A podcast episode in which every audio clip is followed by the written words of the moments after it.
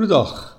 Dit is een nieuwe aflevering van de podcast Beleggingsupdate, aflevering 1 van 6 januari 2023.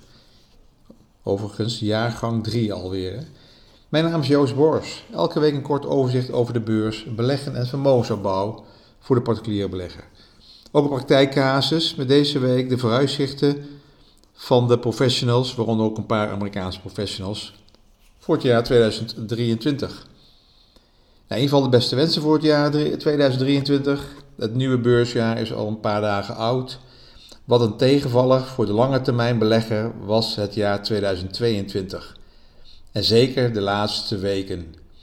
Alle belangrijke beleggingscategorieën zoals aandelen, obligaties en vastgoed daalden in het jaar 2022. De laatste dagen kwam de daling voort door onder andere de felle daling van het aandeel Tesla. Dit aandeel daalde in december vooral de laatste uh, zes dagen, met 40% en staat nu circa 65% lager op 110 dollar. Nou, dit kwam onder andere door berichten dat Tesla de fabriek in Shanghai tijdelijk sluit door de toename van coronagevallen. En daar hebben we dus het tweede punt, de coronachaos in China en de angst dat dit weer tot problemen in de rest van de wereld kan zorgen. Ja, een beetje een déjà vu gevoel krijg je nu, hè, terug naar december 2019 toen in China de eerste gevallen bekend werd en de westerse beurzen nog niet echt reageerden en pas in maart 2020 instortten. dit laatste hoop ik niet dat er weer een coronadaling komt. De daling kan wel veroorzaakt worden door uh, verre renteverhogingen bijvoorbeeld, of afname economische groei, maar ik hoop niet dat meer dat we weer coronaproblemen krijgen. Ja, de Amerikaanse centrale bank die kwam woensdagavond met de notulen van de vorige vergadering ja, en dat was uh, uh, de, de Fed, uh, eigenlijk heel raar. De Fed die maakt zich zorgen over de stijging van de beurzen. elke keer als er wat slecht nieuws is, dan stijgen de beurzen in de hoop dat de inflatie daalt en dat de centrale bank dus ook stopt met renteverhogingen.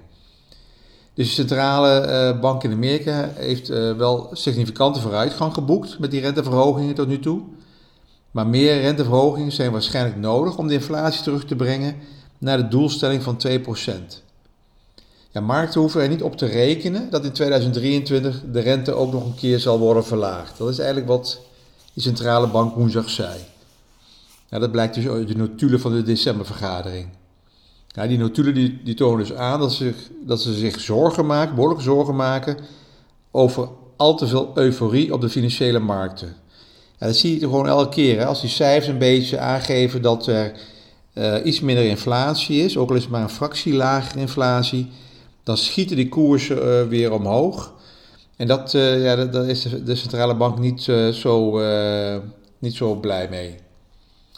En weet je, ook wat, wat er gebeurt is dat er ongewenste versoepeling van de financieringscondities voor bedrijven en huishoudens, dus als die rente weer wat gaat dalen, en uh, als uh, overheden weer uh, geld pompen, bijvoorbeeld die gaspremie, die we, energiepremie die we allemaal hebben gehad, ja, dat werkt allemaal contraproductief voor de inflatiebestrijding. Dat geldt ook voor salarisverhogingen.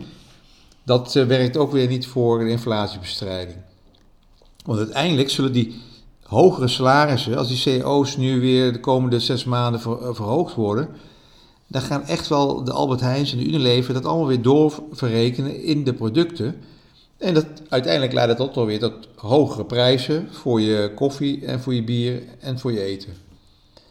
Nou, donderdag waren ook de arbeidsparticipatiecijfers uh, ook nog te positief. En dat zorgt ook weer voor een daling donderdagavond op de Amerikaanse beurzen. Eigenlijk te weinig werkloosheid. Uh, te weinig werkloos is niet goed voor aandelen. Dat is ook wel heel bijzonder, hè? Slecht nieuws is goed voor aandelen in deze tijd. hoe meer mensen werkloos worden, dat is eigenlijk wat de centrale bank wil zien. Heel veel mensen die ontslagen worden. Want hoe meer mensen uh, uit het arbeidsproces worden gehaald, dat verhoogt de concurrentie uh, bij een vacature en dat verlaagt dan de loonkosten. Nou, het IMF, Internationaal Monetair Fonds, die kwam ook met economisch nieuws voor 2023. Ja, de wereldeconomie groeide in 2021 nog met 6%. In 2022 zwakte het af naar 3,2%, nog steeds wel groei. Maar volgens het IMF wordt het in 2023 nog een tandje minder naar misschien uh, 2,5% of lager. Terwijl die hoge inflatie aan mondjesmaat afneemt. En vooral in China, dus in China valt die groei voor het eerst in 40 jaar waarschijnlijk lager uit dan die van de wereldeconomie als geheel. Ja, China is altijd een, de laatste 10 jaar een belangrijke aanjager geweest voor de wereldeconomie. Nou, de helft van alle economieën in de Europese Unie zal in 2023 in een recessie belanden, volgens het IMF. Wereldwijd dreigt dat voor 1 op de 3 landen, vooral opkomende markten met schulden in dollars in Azië en Afrika krijgen het zwaar. Nou, dinsdag 3 januari werd bekend dat de inflatie in Duitsland in december met 1,2 is gedaald ten opzichte van november. Dat klinkt bijna als deflatie. Dalende prijzen. Dat is in ieder geval een goed teken. Het is een, een hele, het is een sterkere prijsdaling dan de 0,8 die analisten hadden verwacht. Op jaarbasis vertraagt de inflatie vorige maand van 11,3 naar 9,6. Ook lager dan de verwachte 10,2. Nou, die, die daling in Duitsland gaat in dit tempo bij net zo snel als de stijging van de inflatie. Met de huidige ontwikkeling van de energieprijzen zou de inflatie wel eens veel sneller kunnen afnemen dan eerder werd ingeschat. Nou, wat hebben we gezien bij, bij aandelen in 2022? Een grote winnaar uh, was eigenlijk de energiesector. Dat is een, een, hele mooie, grote, dikke plus voor de energiesector. daarnaast valt op het grote verschil tussen groeiaandelen, de technologie, en waardeaandelen, bijvoorbeeld uh, consumentenbasis, uh, voeding, gezondheidszorg. Het verschil tussen deze twee categorieën was het de laatste jaren niet zo groot, vooral in Amerika. De Nasdaq daalde 35% en de Dow Jones maar uh, eh, 10%. In Nederland zie je het ook terug hè, bij ASML, ASMI, die technologiebedrijven. Die waren flink in de min. En Aalt en Unilever die zaten op een hele lichte min of een break-even niveau zelfs. Dat is het verschil tussen groeiaandelen en waardeaandelen. Nou, met die aandelen, uh, vooruitzichten, het Financiële Dagblad heeft een enquête aan vermogensbeheerders en strategen in Nederland gevraagd wat de verwachting is voor dit jaar. Nou, gemiddeld verwacht men dat de AX in 2023 in december op 725 punten staat. Nou, dat stonden we deze week ook al bijna. In ieder geval een aardige plus van zo'n procent of 5. Ja, er is wel eens kritiek dat de verwachte bewegingen altijd erg beperkt zijn. In de praktijk zijn de uitslagen vaak een stuk groter. Maar er doen heel veel mensen mee. Ongeveer zo'n 110 uh, eh, mensen hebben die enquête ingevuld, die strategen van banken en vermogensbeheerders. Maar dan krijg je al snel gauw bescheiden uitslagen, als je allemaal uh, het gemiddelde daarvan neemt. Maar ja, uh, als je wil weten wat bijvoorbeeld individuele aandelen voor 2023 verwacht wordt, bestaat die toplijst van die 120, 110 analisten uit AXO, ASML, Philips, Adyen en ASMI. Ja, dat zijn de technologieaandelen die hard eh, naar beneden zijn gegaan. Die kunnen herstellen. Uh, Philips is ook een soort herstelkandidaat. Die heeft het de afgelopen dagen ook alweer goed gedaan. Men hoopt natuurlijk dat, dat er nu na, na zoveel uh, maanden en uh, dat is anderhalf jaar of twee jaar die apneu-affaire, dat, daar, dat Philips een beetje naar die afwikkeling van toe gaan, gaan werken. ABN Bank kreeg een, uh, vanuit buitenlandse analisten een een verhoging van hun waardering. En de, en de koers ging ook deze week voor ze omhoog. Nou, wat verwachten Amerikaanse strategen?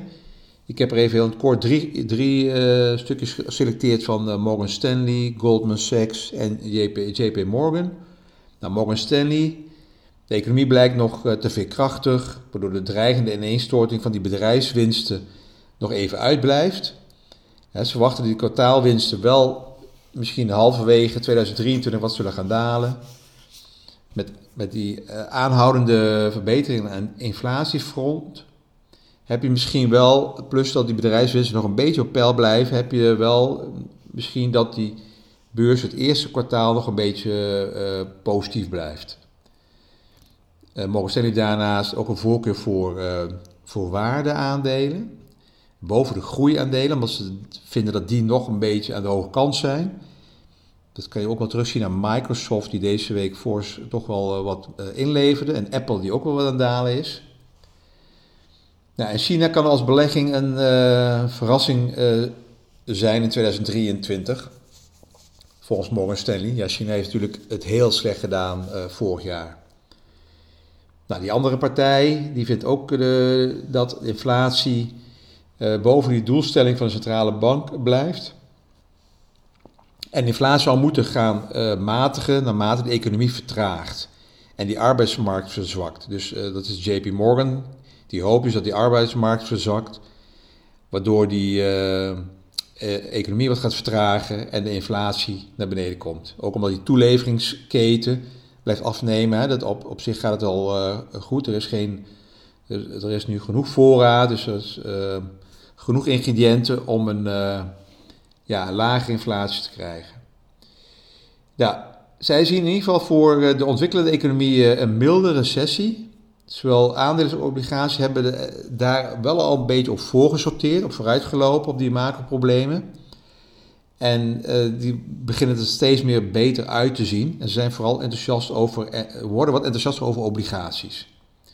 Ja, die uh, die daling van die aandelen, heeft wel volgens dat sommige aandelen met een ja, toch wat lage waardering zijn komen te staan. Zolang ze nog een goede winstpotentie hebben, het dividend handhaven, dan zien ze daar ook wel uh, kansen in. En vooral JP Morgan zit vooral te kijken naar klimaatgerelateerde aandelen. Dus ze hebben voorkeur dus voor afgeprijsde aandelen, die, waar al heel veel slecht nieuws is in geprijsd. En met een betrouwbaar dividendbeleid. Een beetje bij de dog-theorie die ik eh, verleden week ook heb genoemd. Nou, die andere partij in Amerika, Goldman Sachs, nou, die verwacht ook een groeivertraging door ehm, ja, de inflatie, de, de, snelle verhoging van de rente, door de oorlog. Dus verwachten een, een wereldwijde groei van slechts 1,8% in 2023, Goldman Sachs. Dus die zijn negatiever dan het IMF. Ze verwachten wel dat uh, Amerika het iets beter blijft doen dan de Europese landen.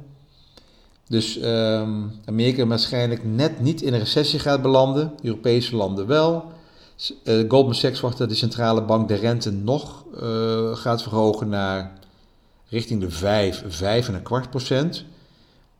De andere partij zit rond de 4,5. Goldman Sachs is, iets wat negatiever op het gebied van de rente. Dus uh, dat is uh, toch iets wat, wat minder positief. Ehm, ze verwachten dat de, het eurogebied, dus Europese landen en Verenigd Koninkrijk, zich wel in een recessie gaan bevinden in het eerste halfjaar van dit jaar.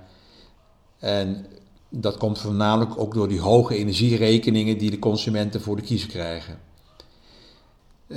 Wereldwijde obligatieindex, die Bloomberg Global Total Return Index, is uh, wat positiever over obligaties. Ja, obligaties natuurlijk van negatieve rendementen naar nu in Amerika 4%.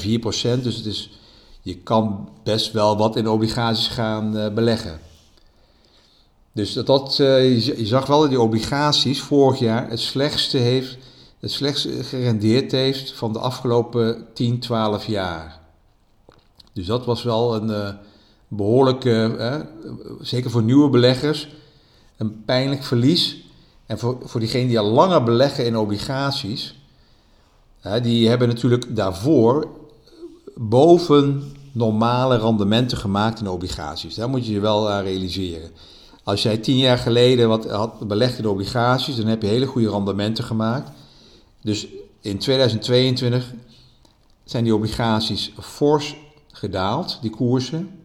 Dus gemiddeld een obligatiebeleggingsfonds met lange looptijden zit er gemiddeld tussen de min 15 en min 20 procent. Dus daarom zijn er heel veel van die strategen nu wat positiever. Om te, om, en dan durven ze nu wel aan om te zeggen van beleg maar wat meer in die obligaties. Dus beleggen in obligaties wordt iets aantrekkelijker. Dus in ieder geval, eh, een nieuw jaar is begonnen met eh, vele kansen. Heel veel succes voor iedereen. Blijf wel trouw aan je persoonlijke doelstelling en lange termijn visie. Zo bouw je tenslotte vermogen op. Vermogen bouw je niet op door uh, te gokken. Dat is uh, niemand uh, gelukt om elk jaar met gokken vermogen op te bouwen. Kijk maar naar de, de grotere vermogens. Die beleggen altijd met een bepaalde doelstelling en visie. Nou, dank voor het luisteren. Alles op persoonlijke titel, geen direct beleggingsadvies, hou je daaraan. En op basis van openbare informatie. Tot de volgende week.